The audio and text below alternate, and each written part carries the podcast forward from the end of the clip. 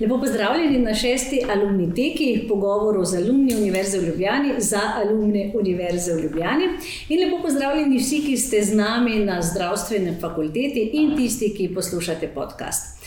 Danes bomo govorili o tem, zakaj je krvodajalstvo kot oblika prostovoljstva pomembna. In morda celo dosegli to, da bo kdo izmed nas, ki še ni daroval krvi, to storil.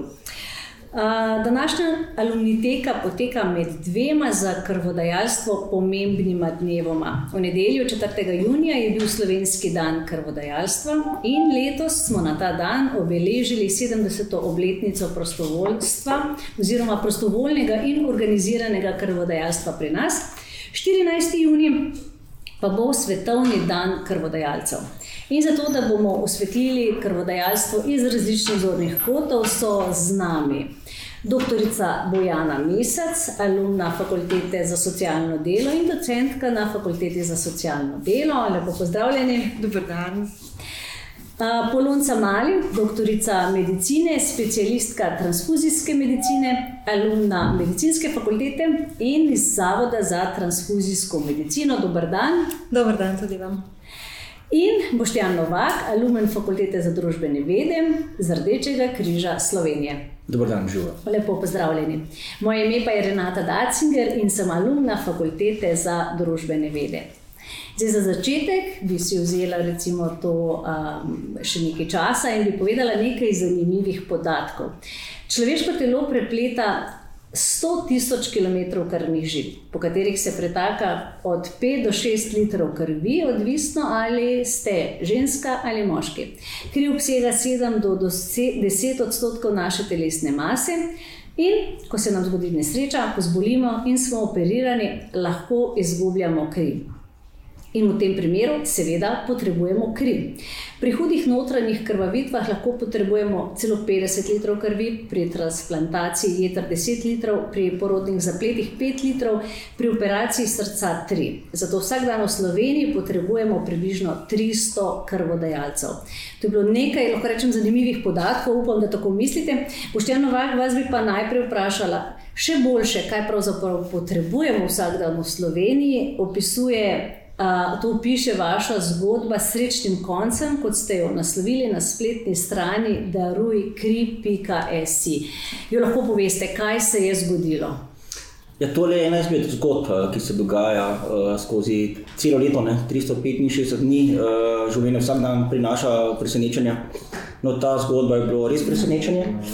Uh, poleg vseh nezgod, porodov, uh, načrtovanih operacij, transplantacij in tako naprej, se je zgodila še ta huda nesreča, ko je padel fant, uh, naš siniša, rečemo, 22-letni fant iz Kočevja, uh, kjer so imeli doma, imajo že zmeri družinsko podjetje Krovstvo in fant je pač pri svojem delu uh, spodrsnil in je padel uh, iz strehe z precejšnje višine. In uh, seveda, to je bila huda poškodba, drama. Uh, klicali so nujno medicinsko pomoč, uh, k sreči je bilo to blizu uh, postaje v Kočevju.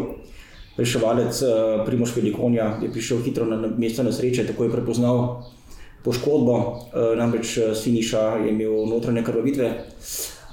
Poklical helikopter v Ljubljano, sreča, da je bil helikopter prost, da ni bil zaseden, ker v nasprotnem primeru Siniša ne bi prišel niti do Torjaka, kaj šele do Ljubljane, ker bi prej umrl. Skratka, uh, ko je bil on v zraku, je bila že ekipa kirurška pripravljena.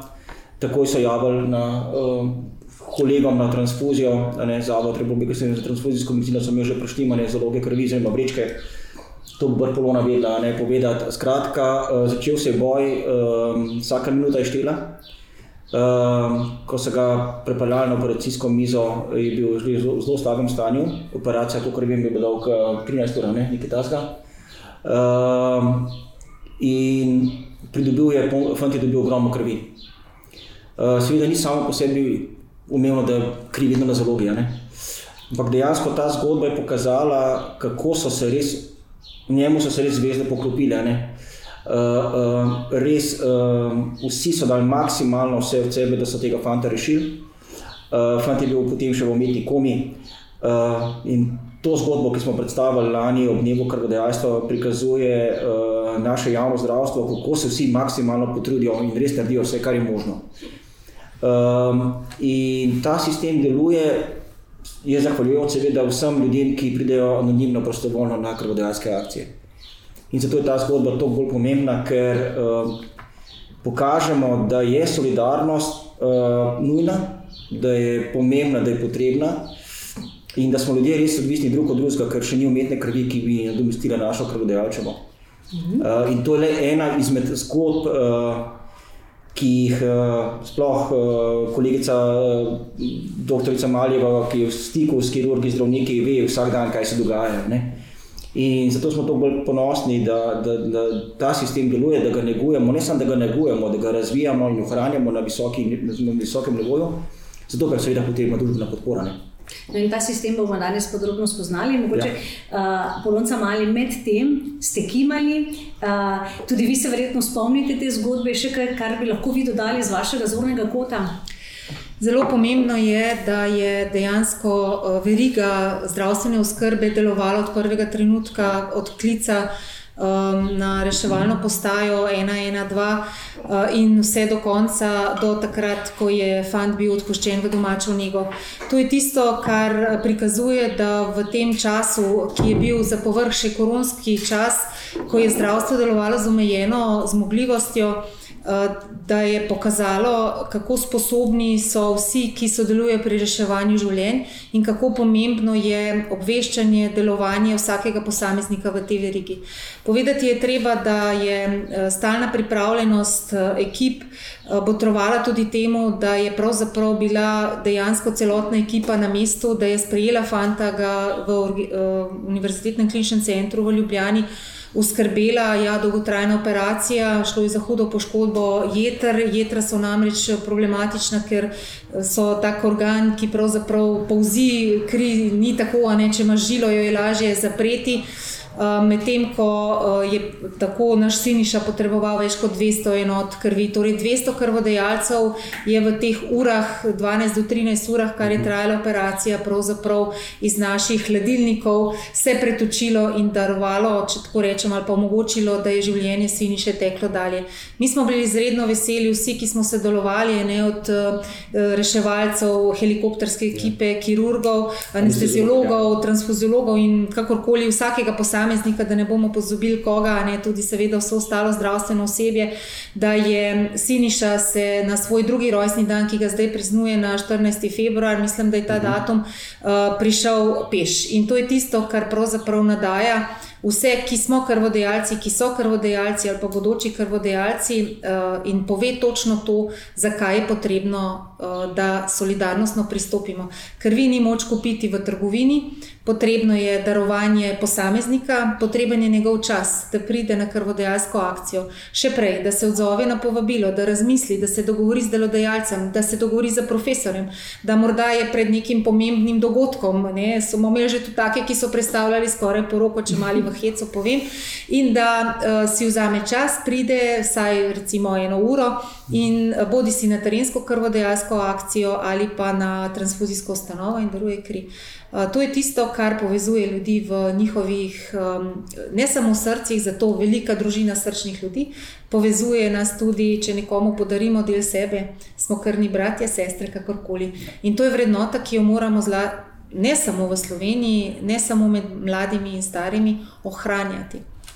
No, če zdaj podrobno začnemo spoznavati ta sistem krvodajalstva. Zdaj, vsi na, na spletni strani Daruj kri, si lahko pogledamo, kakšna je zaloga krvi v Sloveniji ta trenutek. Mogoče vi veste na pamet, kako je danes v Sloveniji, katere krvi je največ, katere mogoče primankuje. Najprej morda podatek, eh, ki ljudi zanima ne, in je potem temu prilagojeno tudi stanje zalog.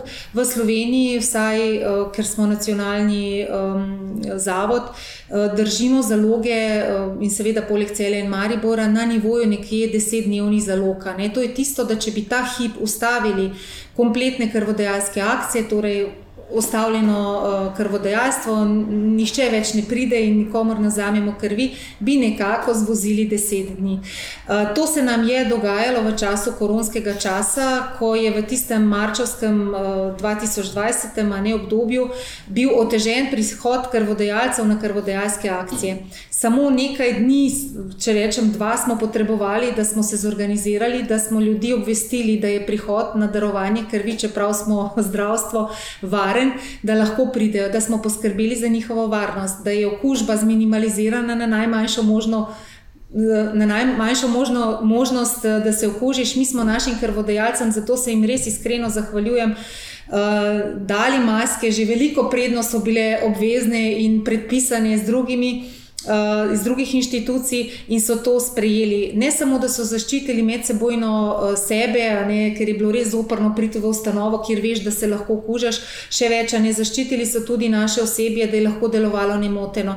In to je tisto, kar je pravzaprav z leti uh, vseh akcij, 70-letne mhm. tradicije, ki jo imamo, krvodajalstva, principa spoštovanja, spoštljivega vedenja, pripomoglo še več. V 13-letni inicijativi Daruj kri kjer delujemo skupaj Rdeče križ Slovenije, transfuzijska služba in pa uh, družbeno odgovorno podjetje Petrol, smo ustvarili medsebojno zaupanje. Jaz ne, ve, jaz ne govorim več, da je naš krvodajalec samo prijatelj, stranka, ampak so to naši prijatelji, ki nam sledijo in sledili so nam v tem koronskem času, prihajali na krvodajalske akcije, se odzivali, potem smo jih prosili, da se naročijo na krvodajalsko akcijo, da pridejo in darujejo. In to je princip, ki ga ohranjamo, uh, tudi zato, ker v današnjem času času, ko hitimo, ko želimo ne, biti čim prej obravnavani, vemo, da tudi ženske se rade naročimo na kozmetični salon in nas morajo obdelati v pol ure, eni uri, nimamo časa, hitimo, tak je čas. Uh, smo želeli se krvodajalcem približati na način, da se naročijo, pridejo, preverimo, ali lahko darujejo kri ali ne.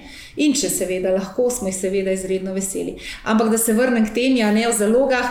Um, ja, zaloge trenutno so se nekoliko znižale, uh, vseh krvnih skupin, tako da vabimo in prosimo krvodajalce, da se odzivajo na vabila Rdečega križa. SMS vabila so zdaj zelo aktualna, ali pa vidite, kje je plakat, pa no karkoli, in pokličete in se naročite na najbližjo krvodajalsko akcijo oziroma na, transfuzijski center.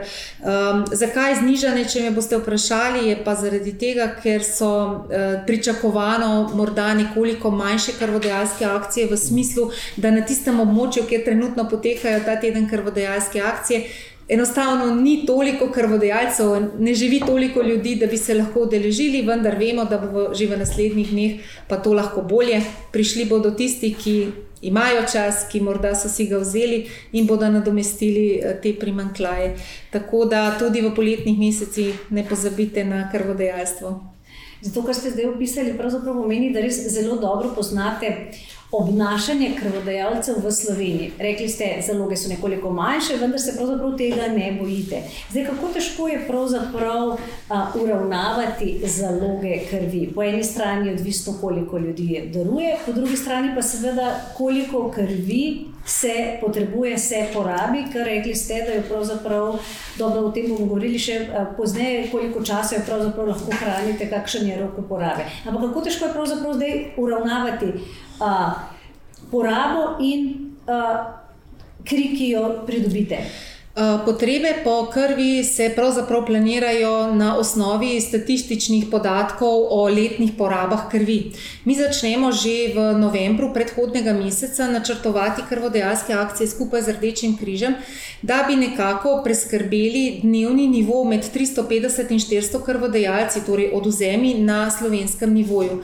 Ker v transfuzijski službi delujemo tri ustanove, Eh, poleg Zavoda Republike Slovenije za transfuzijsko medicino za šestimi svojimi centri, še eh, Center za transfuzijsko medicino v Celju in pa Center za transfuzijsko medicino klinične, Univerzitetnega kliničnega centra v Mariboru skupaj z enotama v Ptuju in na Ptuju in v Murski soboti. Eh, poteka pravzaprav to usklajevanje na tem letnem nivoju, to, na letnem nivoju in vsakodnevno poteka krvodajalska akcija v bližini večjih krajev ali pa kar v večjem kraju, in tudi po določenem urniku v teh transfuzijskih ustanovah, ki so za tiste, ki ne poznate, v vseh bolnišnicah po Sloveniji, torej v 11 bolnišnicah, ponavadi v kleti, vendar zato nič manj, nič manj pomembni, so transfuzijski centri, kjer ljudje lahko darujete kri.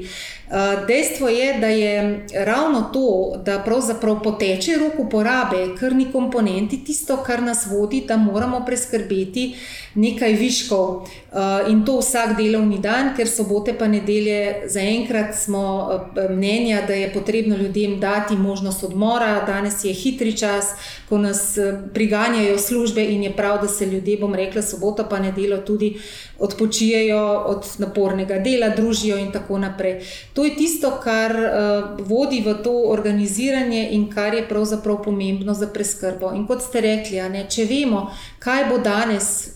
Ali bo tistih 350-400 krvodajalcev, in ker vemo, kakšna je poraba, kako potekajo programi zdravstva, je to nekako ustaljeni nivo.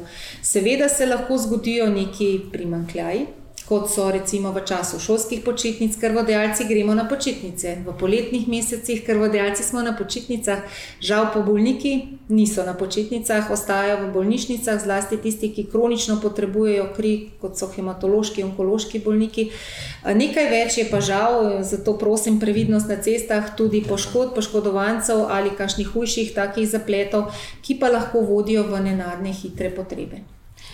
Boštjan Novak, Rdeči križ je tisti, ki že 70 let v Sloveniji organizira krvodajalske akcije in pridobiva prostovoljce za krvodajalstvo. Kako pa pravzaprav to poteka z vaše strani?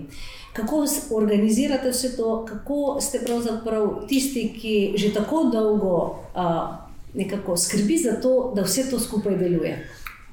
Ja, uh, Slovenija ima eno posebnost. Uh, to bo tudi. Uh, bo Probojana povedala, da uh, Slovenci imamo solidarnost in pomoč človeku v DNK, ne naroda. Ne?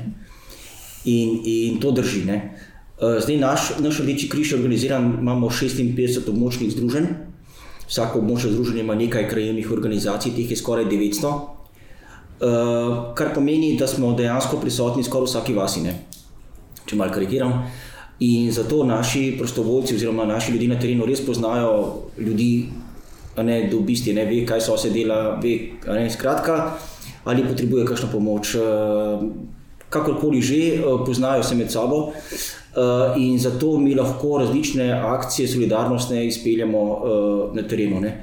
In na osnovi tega je tudi Reči Križ dobil javno pooblastilo, torej izvajanje krvodajalskih akcij. Uh, vedeti moramo, da je zgodovina krvodajalstva na slovenskem bila res pestra, ne, iz, uh, različno iz čisto altruističnih, eh, socialističnih vzgibov, ker so skoraj občine tekmovali, katera bo imela več krvodajalcev. Skratka, dejansko poznamo teren uh, in na osnovi tega, kot je rekel dr. Maljava, ne, uh, res potem lahko pripravljamo akcije, uh, glede na načrtane, na 3-4 mesece. Skratka, pri krvodajalstvu pa je zelo pomembno, da je podpora tega programa na lokalni ravni. Torej, če celotna družbena skupnost mediji, uh, uh, malo gospodarstvo, velika podjetja na lokalnem nivoju omogočajo, javne institucije in tako uh, spodbujajo in se zavedajo, kaj pomeni imeti nemoteno preskrbo s krvjo, potem se lahko te krvodajalski dnevi, ki so dvakrat, trikrat na leto uspešni. Namreč, uh, mogoče veste ali pa tudi ne, Rdeči križ organizira 70-80% krvodajalskih akcij v osnovnih šolah. Torej, če ne bi imeli mi posluha v vodstvu teh šol, ne, osnovne šole, srednje šole, potem so kulturni domovi, mi teh akcij s transfuzijsko službo ne bi mogli izpeljati. Ne. To so prostori, ki so primerni, varni. Uh, uh, tako z vidika organiziranja krvodajalskih akcij, dobro za krvodajalce, za strokovno zdravstveno osebje. Skratka, tukaj treba sodelovati z roko v roki. In ta program je lahko uspešen samo, če se, če se sodeluje. In to je edini program, kjer ni levih, desnih, so, ne. v bistvu so v bistvu rokavi, ne zavihaš levo rokav, desni rokav. Ne. Ampak dejansko ne, to, je, to je naša posebnost. Ne. In, in uh, na krvodajalstvu deluje 1500 prostovoljcev letno, ne pripravijo hišnih zudi ob šestih skida, da pride ekipa na skidano, ne, če zapade sneg. Skratka, Uh, um, ni, ni, ni samo po sebi uh, umevno. Uh, imamo, imamo to tradicijo, ne, ki se dejansko prenaša iz roda v rod. Ko imamo čebelarje, imamo lovstvo, planinstvo, kar bo dejansko, skoraj ni familije, ker ni nekdo drevo krine.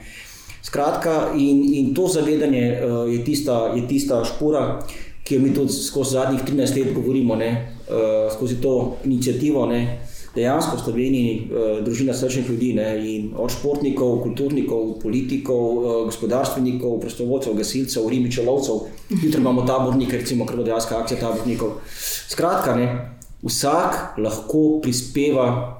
K mozaiku nacionalne preskrbe s krvjo. Kaj pa to je? Ve povedati dr. Maljeva, ker potrebujemo približno 40 tisoč litrov krvi, 1800 krvodajalcev na teden ali pa 1900 je še pošne, uh, a ne vse, kar je manj lahko slabo. Vemo, kaj je polet, vemo, po zimi so gripe, viroze, prehlajeni, kašljamo, kihamo, burja, 280 na uro, piha, veter, mrz, zdaj le dežuje že tri tedne. Ne?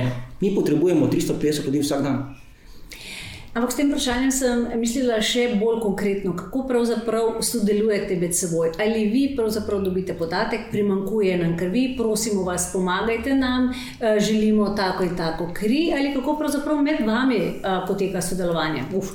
Ja, pravzaprav, kot sem omenila, ne, če dobro načrtujemo, že od novembra naprej, potem do teh eh, pozivov, če tako jih imenujem, ne, ne bi prihajalo. Sicer je pa, razen pa ja. seveda, če se dogodijo neke ja, specialitete, kot rečemo, ali pa ekstremi. Sicer pa, kadar je uh, potreba, recimo, da nekatera, nekatera krvna skupina prične upadati, takoj uh, poženemo aktivnosti za uh, vabljenje dodatno krvodajalcev na terenske krvodajalske akcije ali pa na transfuzijske ustanove. Ja. Torej, pozovemo Rdeči križ, da dodatno uh, povabi še tiste, ki jih morda na določen dan ali pa na določen določeno krvodajalsko akcijo, niso povabili. Če je eh, naslednja stopna, ne, če to ni tako uspešno, potem eh, pričnemo z uh, dodatnim motiviranjem krvodajalcev. Ne samo, da jim enkrat pošljemo povabilo na krvodajalsko akcijo, ja. ampak jih bombardiramo, jaz rečem, z ja, dvakrat, ja. trikrat, štirikratnim ja. SMS-om, ki ga stopnjujemo. Ne. In zadnja stopna je, nujno vas potrebujemo, ja. hecam, ne, na koncu nekdo bo umrl zaradi tega, če vi ne ja, boste prišli, ampak skoraj tako je, kadar gre za kakšno posebno krvno skupino. Sicer pa uh, je uh, še dodatno možno osebno klicanje krvodajalcev, takrat jih vznemirjamo na njihovem delovnem mestu, v šolah, če so to neki mhm. učitelji, profesori in podobno, ali pa uh, tudi študente, ker je kar nekaj študentskih, ne organiziramo uh, jesensko in spomladansko krvodajalsko akcijo, uh, ali pa na dopustu, konc koncev, glede na to, da prihaja poletni čas. Eh, takrat ljudje pravzaprav uh, res skoraj spustijo vse iz roka, ne kmetje, uh, pustijo ja. traktorje na nivah, sredi vinogradov, ne trgatve in pridejo in darujejo kri. In to je tisto, kar želimo pravzaprav povedati mladim. Če tega ne bo, če ta ne bo spustil vse z rok, ne bo dovoljšne krvi. In, in dajte ne, tudi pri tem sodelovati. Poglejte, kaj je naredil vaš brat, sestra, oče, mama. In to je ta družinska tradicija, ki nam je pravzaprav zavidajo v tujini. Čudijo se, kako ja. lahko eh, neke vrednote, jaz jim zdaj rečem, bo pa doktor Mišel povedala, ne, um, te vrednote moramo ohranjati znotraj družine. Zdaj, sploh, ko smo se v tem koronskem času ne mal rešili, družine so ostale zaprte, vse sorte se je znotraj družin žal tudi dogajalo. Dobro dobrega in slabega, in te družinske povezljivosti moramo ohraniti. Zato sem rekla, da vsi smo krni bratje, sestre in to je tista velika družina. Doktorica Bojana Mesec, uh, slišali smo, Slovenci imamo prostovoljstvo v svoji DNK. Uh, kako se pa pravzaprav to prostovoljstvo, da darujem kri, razlikuje od sicer prostovoljstva? Vi ste raziskovali prostovoljstvo veliko širše.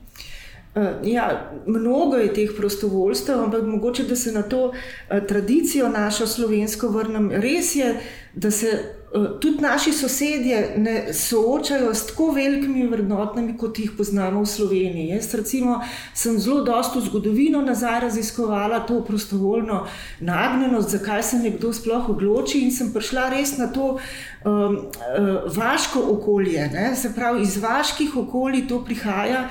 Ne, temu smo pri nas rekli, oziroma v Sloveniji uh, naslovili kot sosedska pomoč, to je res že zelo ne, uh, zgodovinsko uh, znano dejstvo. In iz tega nekako, kar imamo, tisto, kar imamo kot vrednota, je uh, ne zato, da bi zdaj mi šli kot prostovoljci, ker grejo naši prijatelji, ali pa tudi ne zato, samo zato, ker imamo to nekako v družini, že kot navado, ampak predvsem to imamo, da, da vemo, da bomo mogoče enkrat mi potrebovali to pomoč. Se pravi, to nam je zelo v, v zavest prišlo, uh, ne, da se uh, posvečamo ali pa da dajemo. Če imamo nek prosti čas, da ga posvečamo tudi svojemu vem, sodelavcu ali pa vem, mogoče tudi kakšni drugi skupini ljudi, ki jih sploh ne poznamo. In recimo ta je ne, ta skupina prostovoljcev, ki so krvodajalci, so tisti, ki čutijo so človeka na ta način. Ne, ne, da ga poznamo, ne, da so naši sorodniki, da grem in sem krvodajalec samo zato, ker v bistvu vem, da je to potrebno in da, to, da mi bo dalo tudi nekaj svojega zadovoljstva. Jaz se, sigurno uh, pri vsem tem raziskovanju vedno tudi raziskujem, uh, ne, kaj imamo ali pa kaj imajo prostovoljci od tega. Ne.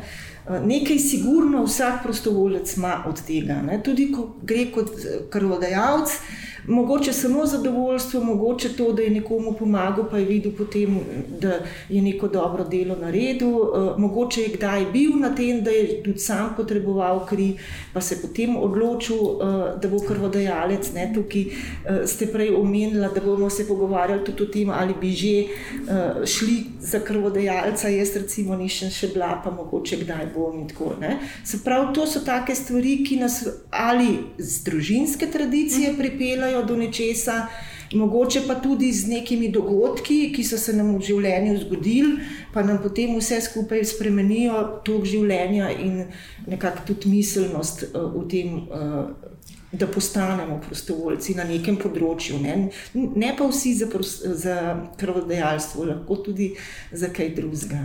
Pa se to prostovoljstvo pri nas, recimo, ali lahko rečemo tudi širše, ne samo krvodajalstvo, razlikuje z drugimi državami? Uh, zdaj, da bi rekla, da se prav uh, potem na katerih področjih uh, se več prostovoljcev pri nas uh, pojavlja kot v tujini, to ne. ne. Se pa recimo razlikuje vem, na, ravni Evrope od recimo drugih združenih držav ali pa mogoče azijskih držav, na katerih področjih so tam bolj prostovoljci. Se pravi, evropske države pa nekako smo sploh v današnjem novejšem času bolj na področju okoljevarstva, pa na področju uh, mirovnih pravic, pa enakosti spolov. Te, se pravi, tukaj se zdaj pojavljajo največje uh, številke, ki se tičejo humanitarne pomoči in pa civilne zaščite. Recimo, uh, da bi se pa pravijo. Uh, ja, zdaj, da bi Azijo raziskovala, jo ne, ampak ne, uh, sigurno pa glede na to, da so tudi uh, nekako kulturno bolj drugam usmerjeni, pa drugače razmišljajo, se mi zdi, da, tam, uh, da bi pa vedela, kako in kaj, pa nisem raziskovala. Ne. Omenila sem jo samo zato, ker smo tako nekako bolj daleč razparcelirani od Azije in Združenih držav. Recimo. Ja, ali boste začeli nekaj dodati? Ja, zelo lepo je povedala. Ne, in to so prav tiste stvari, ki jih zelo podarjamo. Ne. Mi smo v teh 13 letih točno te stvari želeli eh, poudariti, da torej, pomagal boš nekomu, to je tista, eh, tisto zadovoljstvo, ki ga dobiš. Eh, trem, življe, trem ljudem lahko pomagaš, ne, ker kri razdelimo na tri komponente, ne, na eritrocite, ki prenašajo kisik po krvi, to so tiste, ki pravzaprav vodijo, koliko mora biti in kakšne so potrebe slovenskega zdravstva, koliko krvodajalca mora priti, potem so trombociti krvne ploščice, komponenta, ki ima žal kratko dobo trajanja, ne sedem dni, zato ta stalni, stalni vir prihoda svežih krvodajalcev, če tako malo karikiram, in pa seveda plazma, no, to je tekoči del krvi ta je lažje, ker jo lahko hranimo dve leti. Ne, se pa v zadnjem času pojavlja predvsem še darovanje posebej, a ne plazme, in usmerjamo transfuzijske službe v darovanje plazme. Namreč eh, plazma uh, je surovina, iz katere se potem naknadno, oziroma s posebnimi postopki, pripravijo zdravile iz krvi.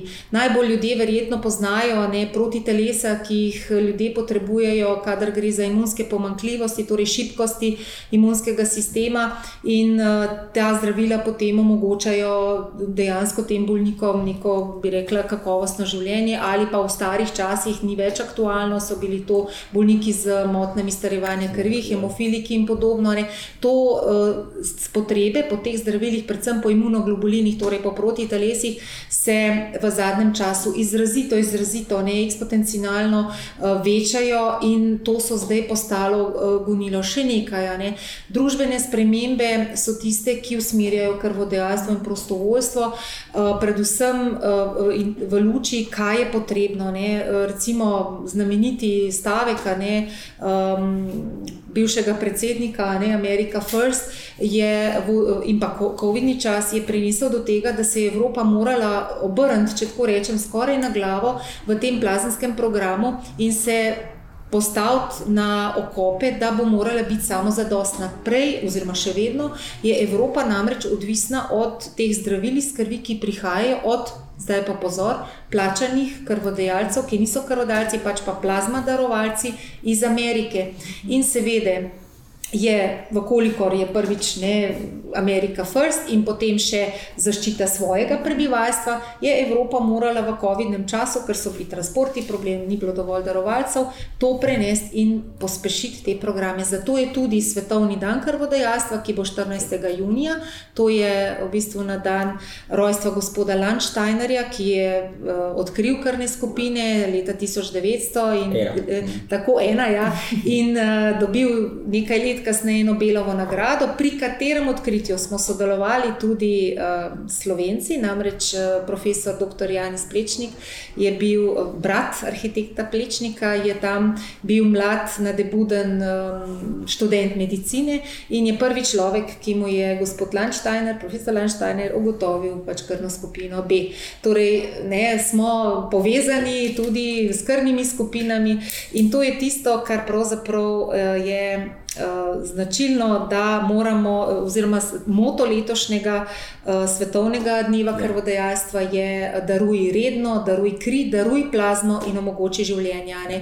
Tako da se letos posvečamo temu. Predhodna leta so bile pa posvečene oskrbi žensk, vemo, v, v Afriki ženska po porodu lahko skrvavi. Eh, v drugih državah lahko eh, se, bom rekla, hude poškodbe končajo, ne, ne tako srečno kot naše siniša, ampak ostale, ja, še vedno ljudje umirajo, ker enostavno skrvavijo in krvi ni dovolj.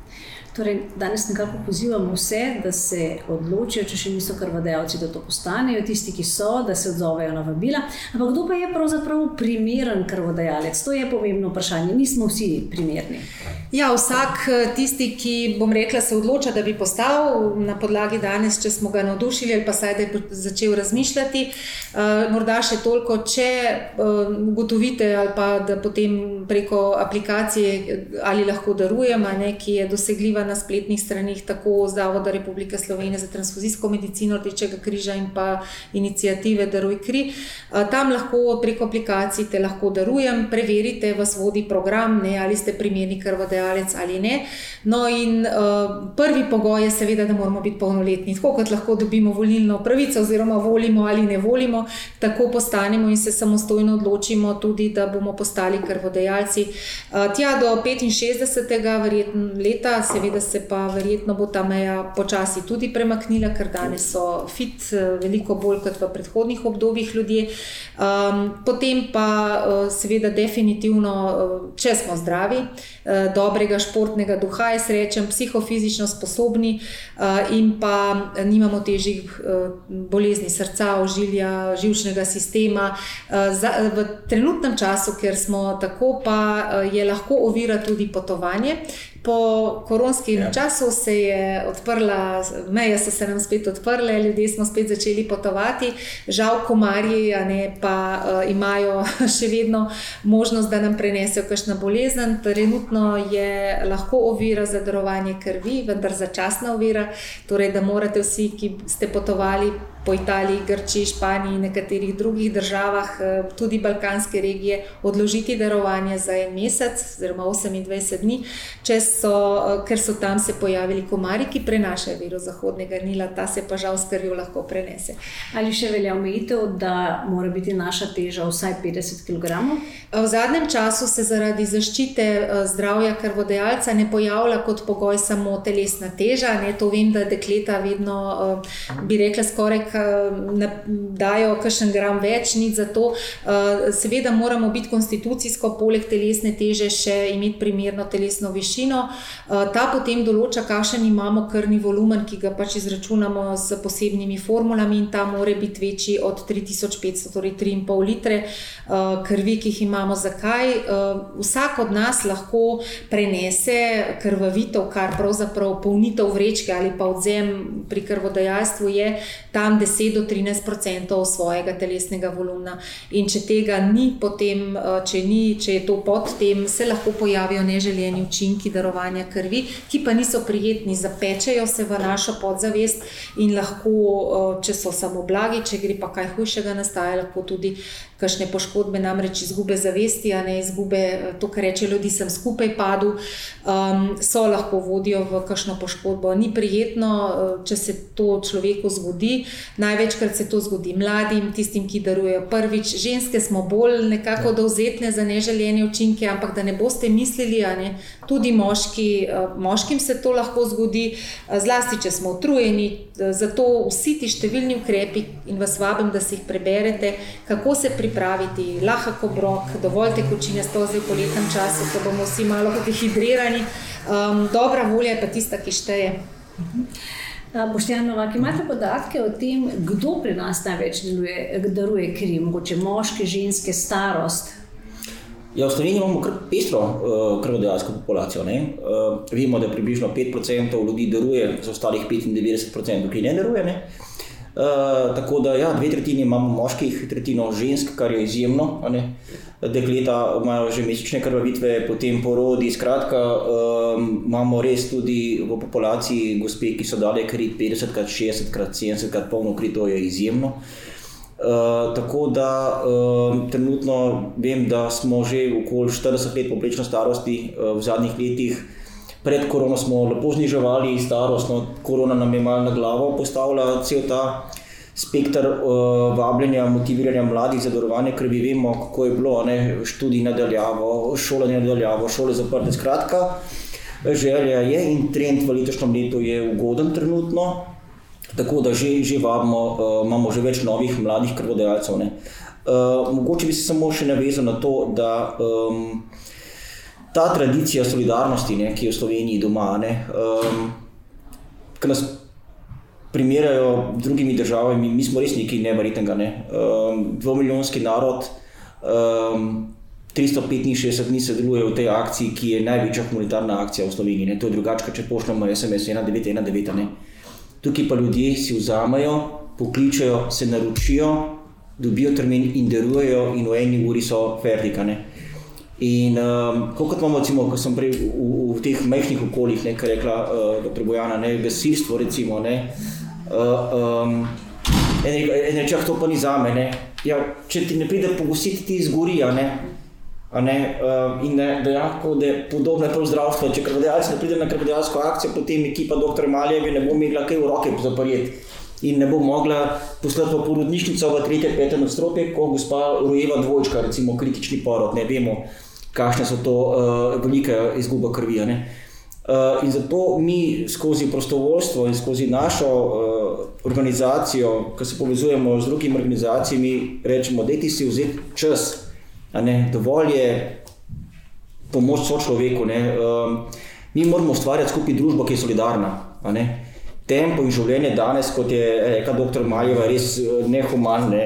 Uh, ja, in vzgoja dejansko, na krvodajalstvu se začne že v vrtcih, ne delamo zdaj nove pravljice, recimo, uh, uh, izdajamo nove združenke. Skratka, vzgoja za humano se itak začne najprej v družini.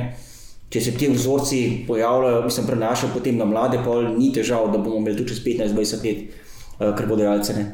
Ampak uh, vsi skupaj moramo uh, strmeti k temu, no, da vir varne krvi v Sloveniji nikoli ne presahne. Ne. Uh, treba se zavedati, da je največja težava, prej ste omenili, te signale, ki jih dobivamo iz transfuzijske službe. Mi imamo, recimo, ko so praznike, ne, sobota, nedelja uh, je prosta, ne, potem pa ponedeljek, torek, praznik, vsi reče, super, štiri dni smo frej. Ne, z ekipo dr. Malje, vemo, štiri smo brez krvi. Uh, in, in zato je treba vedeti, da tudi med temi prazniki se dogajajo nujno operativni programi. Ne, ne vem, kdaj bo sini šel, bo jih to slučajno, kaj še v soboto. Skratka, ne, um, zato potrebujemo odzivnost ljudi, 350 ljudi na dan in kot reka dr. Maljeva, SMS-e. Če dobiš en SMS, dva, tri, ja, to pomeni, da te že rabijo. Ne. Ker mi tudi vabimo, glede na krvne skupine, to je pa tisto, kar nam transfuzijska služba sugerira. Jo, jutri imamo krvodajalsko akcijo v Šoštanju, dajte povabiti, če je 20 krvodajalcev dodatno, a negativne krvne skupine, ki je večkrat manj. Skratka, ne, to sodelovanje transfuzijska služba na slovenskem že več kot 70 let, Rdeči križ pa tudi, uh, je res prineslo do tega, da imamo en sistem, na katerega je lahko naš ministr za zdravje, ki je tudi krvodajalec, upravičeno ponosen. Zdaj pa bi si dovolili eno provokativno vprašanje. Pa je pravzaprav to še uh, doktorica Bojana Mesec, prostovoljstvo, ko te pravzaprav vabijo, ko dobiš SMS in ko ti povejo, res vas potrebujemo. V bistvu je, mislim, prostovoljstvo je vse, kar se človek odloči, ne glede na vabilo ali pa da se sam, ne, se pravi, da sam odloči neko željo, da si vzame čas ki ni plačljiv, seveda, ne, to je prvi pogoj pri prostovoljstvu, uh, in pa da nima neke take, bom rekla, vrednosti za človeka v njegovi karieri ali pa v njegovem življenju, da bo s tem nekaj podobil ali ne.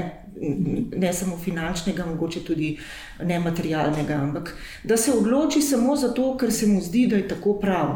Tako se mi zdi, da je ne, tisto pravo prostovoljstvo, z altruizma ven.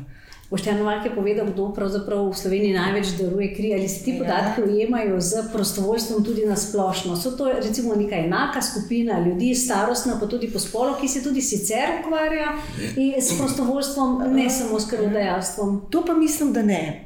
Zato, ker nasplošno v drugih uh, zvrsteh ali pa v, v drugih vrstah prostovoljstva najdemo predvsem mlade, ki še niso zaposleni, in pa mogoče starejše, ki grejo ven iz uh, uh, se pravi delovnega trga, ki imajo že po pravilu več časa.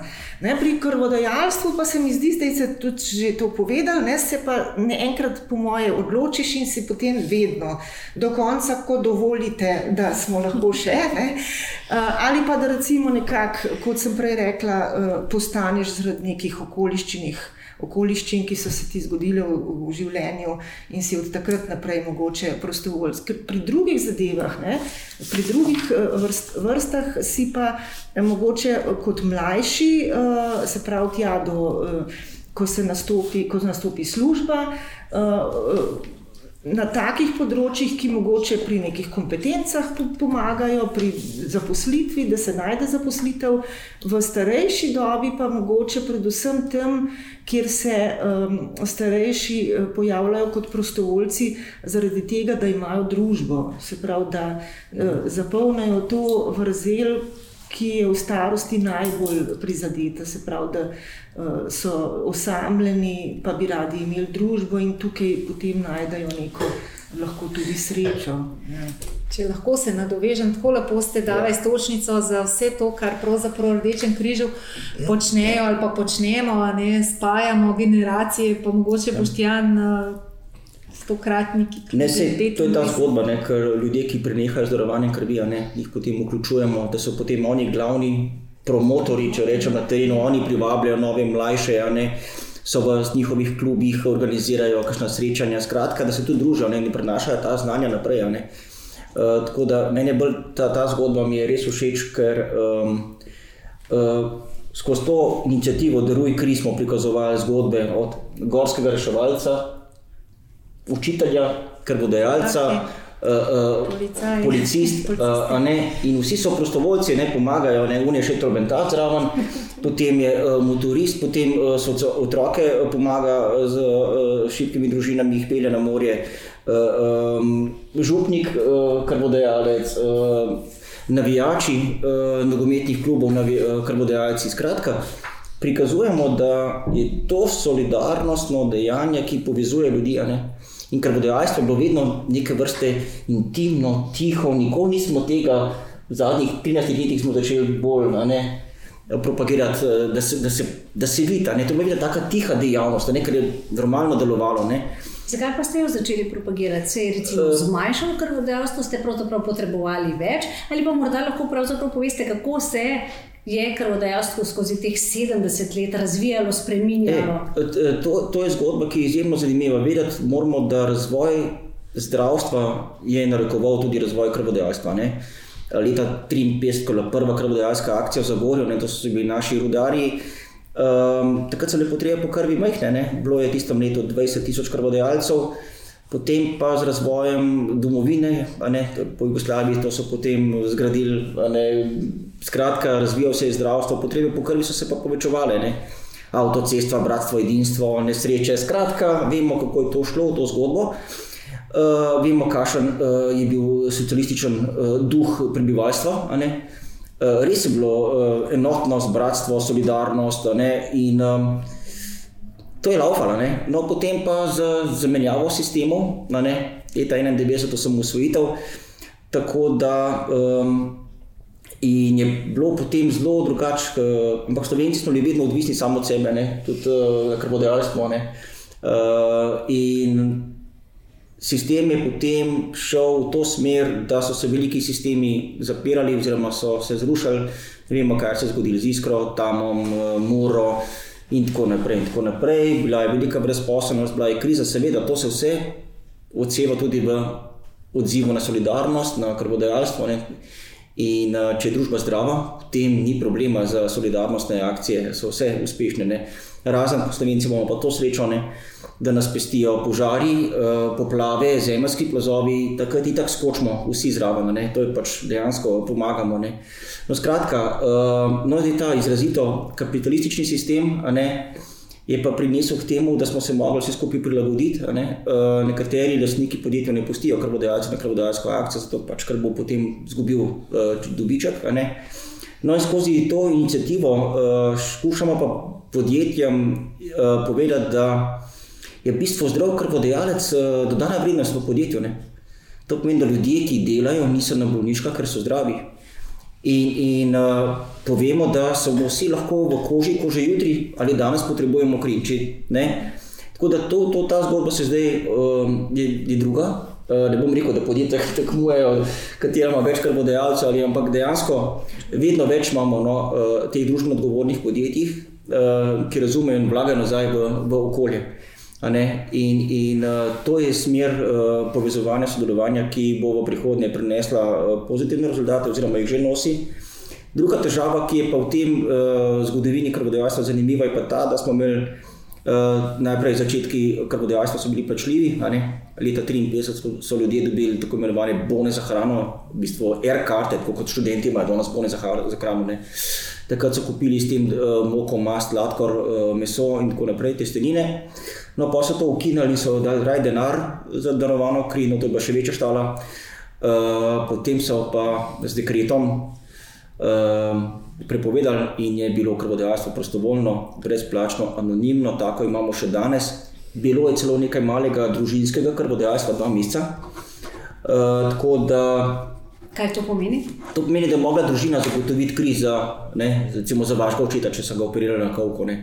Tako da ta naš sistem krvodajalstva v Sloveniji je zelo uspešen. Ne. Tudi druge, dr. Malja, bolj vedela povedati, kako hod na svetovne konference. Recimo, ne, um, ta načrt akcij, ki ga večkrat omenjamo, ne, vi, mi vemo, kje bo 30. decembra krvodajalska akcija, vemo, da bo v Cerkvenci v osnovni šoli od 7 do 1. a ne. Ker s tem se tudi dejansko zdravstvo prilagaja, ve. Skratka, uh, ta načrt smo obujili eh, izdelovali 70 let, da smo danes, kjer smo. In smo pripričani, da bomo tudi naprej, naslednjih 70 let. Smo ja, smo lahko pravično ponosni, no, ker eh, tudi Reči Kristobin je dobil strani predsednika republike najvišjo priznanje programsko, to je medaljo za zasluge. To smo ena redkih organizacij, ki prav iz programskega vidika, ampak to je priznanje vseh aktivistov, prostovoljcev, transfuzijske službe, vsem, ki delajo 365 dni za to, da tiska potrebuje kri, da jo bo dobil. Mogoče je treba samo povdariti, še zakaj ne, te spremembe, ki ja. jih je omenil Boštjan, uh, zakaj brezplačnost. Ne. Brezplačnost je z vidika, uh, ravno tako, kot je uh, dr. Miščeva omenila, uh, nič ne dobimo za to, nobenega bonusa, nobenega, mhm. uh, s tem zaščitimo sebe, torej nič ne bomo zanikali, ko bo potrebno izdati nekatere medicinske podatke. Ali lahko darujem, torej sem sposoben darovati, to je bistveno. Ne, ne rabim in ne potrebujem, nimam potrebe zanikati lastno, recimo, bolezen srca. Ker s tem bi si lahko škodoval, ker nič od tega ne bom dobil, če bom kri daroval. Eh, in enako zaščitimo tudi prejemnika. Nevarna kri je tisto, kar je bistveno, in varni krvodajalec je visoko odgovoren ne samo do sebe, pač pa tudi do prejemnika. In to je tisto bistveno, kar najbolj ali pa skozi poudarjamo, neko pravi ljudje, zakaj plačljivo, zakaj ne plačujete, zakaj ne vem. Ne, uh, To je pravzaprav, uh, vemo, ne, socialne stiske ljudi bi lahko vodile v izkoriščanje celo posameznikov, da bi z darovanjem dele svojega organa, telesa, krvi, ja. kar krije, krije tekoče tkivo in ne, ne, mi govorimo o presaditvi tkiva, kadar torej, transfundiramo izvedemo transplantacijo tkiva, čeprav je kri tekoča in steče v žilo, ne tako kot neka infuzija tekočine. Ampak bistveno je, da s tem uh, ta ne ogroža svojega zdravja, torej ne prodaja svojega telesa, če tako rečem. Torej nima in to je tisto, kar moramo vedno povdarjati, in da bodo ljudje razumeli, zakaj torej ne gremo v sfere plačljivosti, zakaj ne plačujemo, ščitimo oba. Dajalca in prejemnika. Prvo pravilo je ne škodovati. Ampak za varno kri poskrbite, pa seveda tudi vi, kako. Uh, najprej treba omeniti, torej še enkrat povem, da varna kri se začne z varnim in odgovornim krvodajalcem. Varnim v smislu, da se zaveda tveganja, zaveda, če samo rečemo, da je recimo potoval po Italiji, kjer je trenutno se pojavlja v severnem delu in na Sardini, to lahko povem, ne, uh, virus zahodnega Nila, ki ga je možno s transfuzijo prenesti na prejemnika. In to je tisto bistveno, da ne škodi prejemniku in seveda tudi ne ogroža lastnega zdravja z darovanjem krvi. Seveda je vsaka enota krvi testirana na prisotnost um, um, označevalcev okužb, ki jih mi lahko dokažemo. To so uh, bolezen jeter, hepatitis, uh, virusa, uh, torej virus hepatitisa B, C in zelo glasni HIV, ki je v 70-ih, 80-ih letih nekaj povzročil eno tako velik premik. Ne? Vemo, kdo so bile rizične skupine, moški, ki imajo spolne odnose z moškim, to je bila tvegana skupina in podobno. Številni ukrepi tega področja, HIV se prenaša ne, z spolnimi odnosi, z nezaščitenimi skrbi krvjo in podobno, in seveda testiramo tudi na sifilis.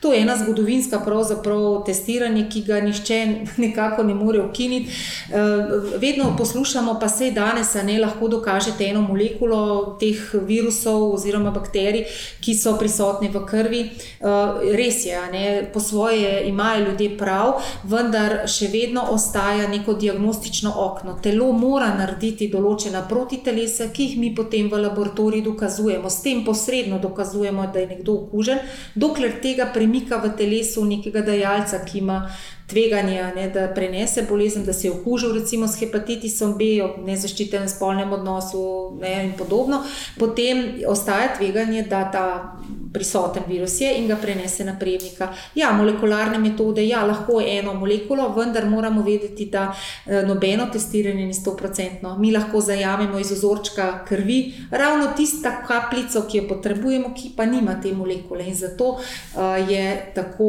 pomembno, da je odgovoren in varen krvodajalec. In da seveda darovanje krvi ni namenjeno testiranju, zato so druge ustanove, druge možnosti, tudi ja. brezplačne in anonimne. -hmm.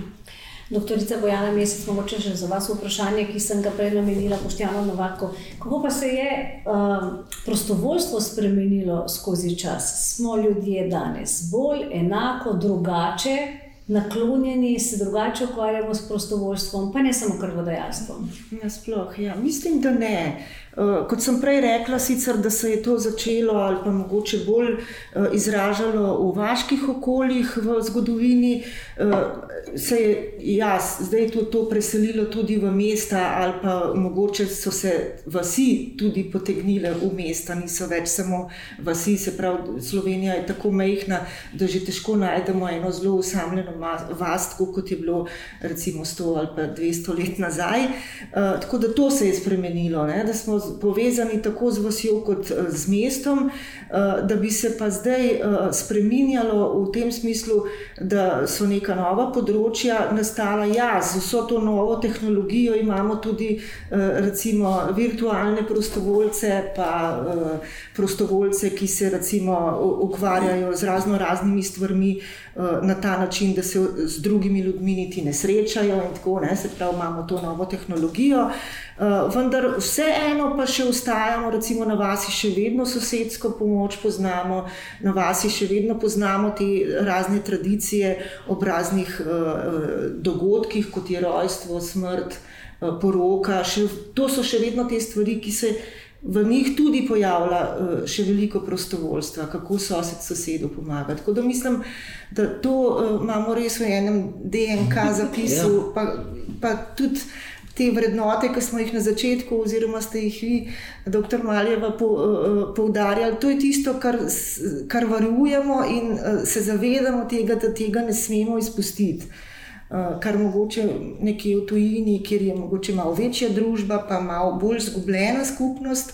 Pri nas te skupnosti, se mi zdi, še nismo čist izgubili, čeprav s to uh, novo tehnologijo nam ne napovedujejo prav lepih časov. Uh, tako da mislim, da te vrednote in to še kar znamo varovati. Omenili ste virtualno, ja.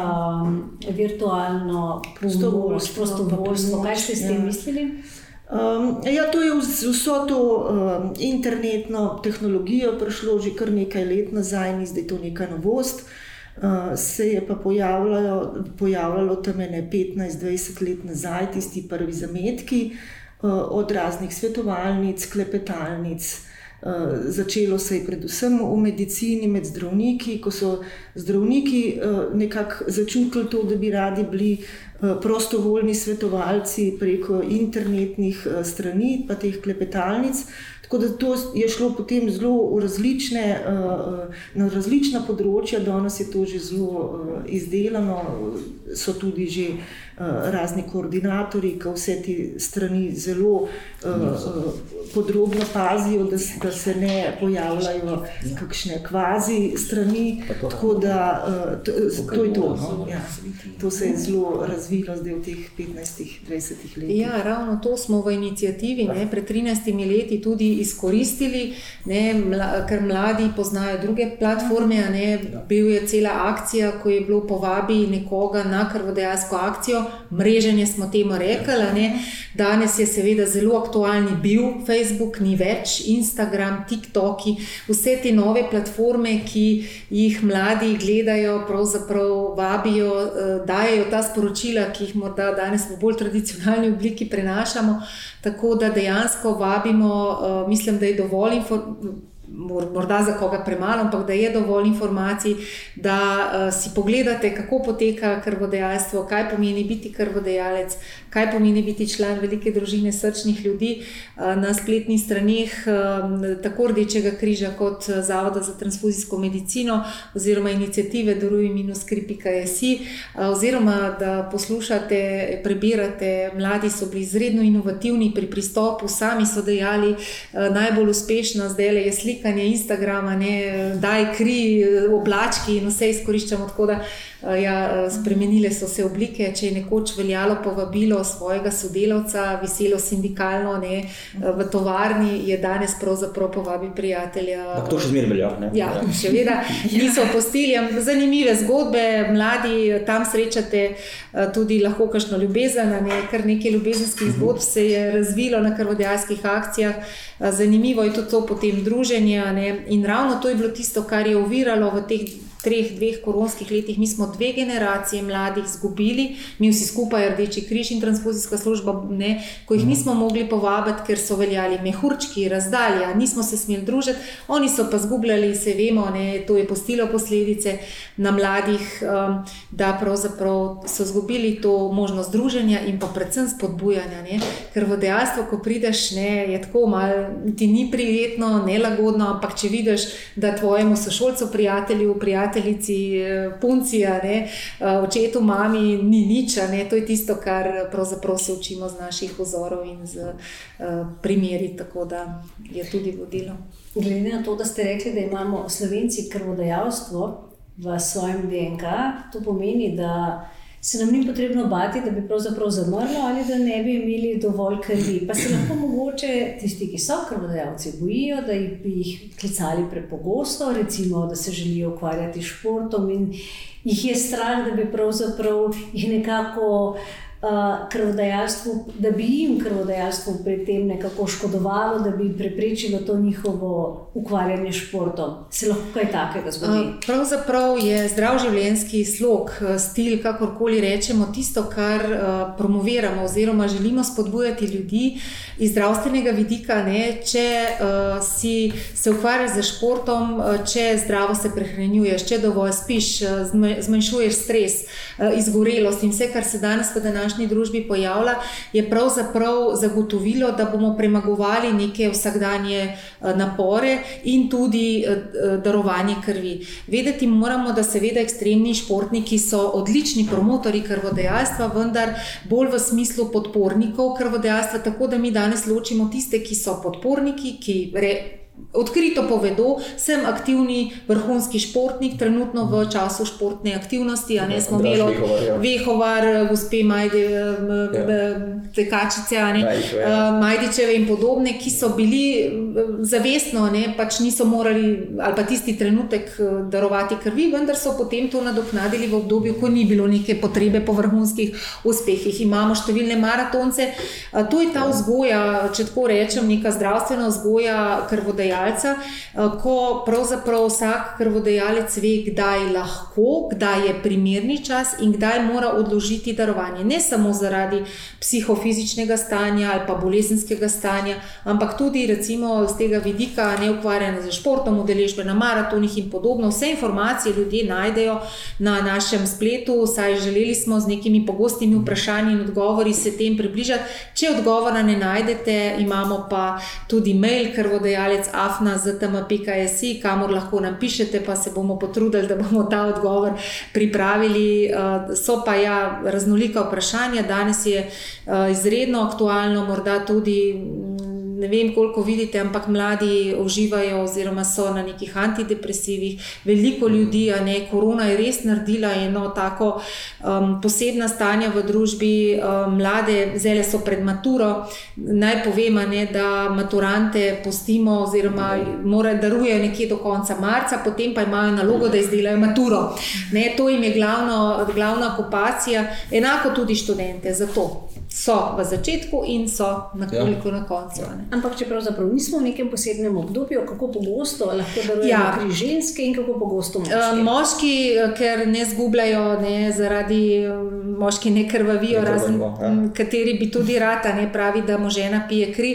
Uh, potem lahko darujejo na tri mesece, medtem ko ženske zaradi menstrualnih ciklusov, vsaj v tistem rodnem obdobju, ne, ko so krvavitve mesečne, uh, lahko darujejo na štiri mesece. Bolj pogosto si ne želimo teh darovanj, zakaj? Zato, da damo pravzaprav organizmu čas da si upomore. Celice se sicer hitro upomorejo v treh uh, dneh, uh, plazma tekoči del v nekaj urah, vendar moramo napolniti naše zaloge železa. Jaz bi samo to, kar, kar ste prej vprašali, ne, uh, kako izobražujemo mlade. Zdaj, v teh 13 letih dejansko smo to govorili o krvodajalstvu, da zdaj ljudje že vejo, da na darovanje krvi ne prihajajo težči. Ne, vedno se je rekel, moram biti težko, grem na krvodajalsko akcijo. Ne, nikakor ne, ne.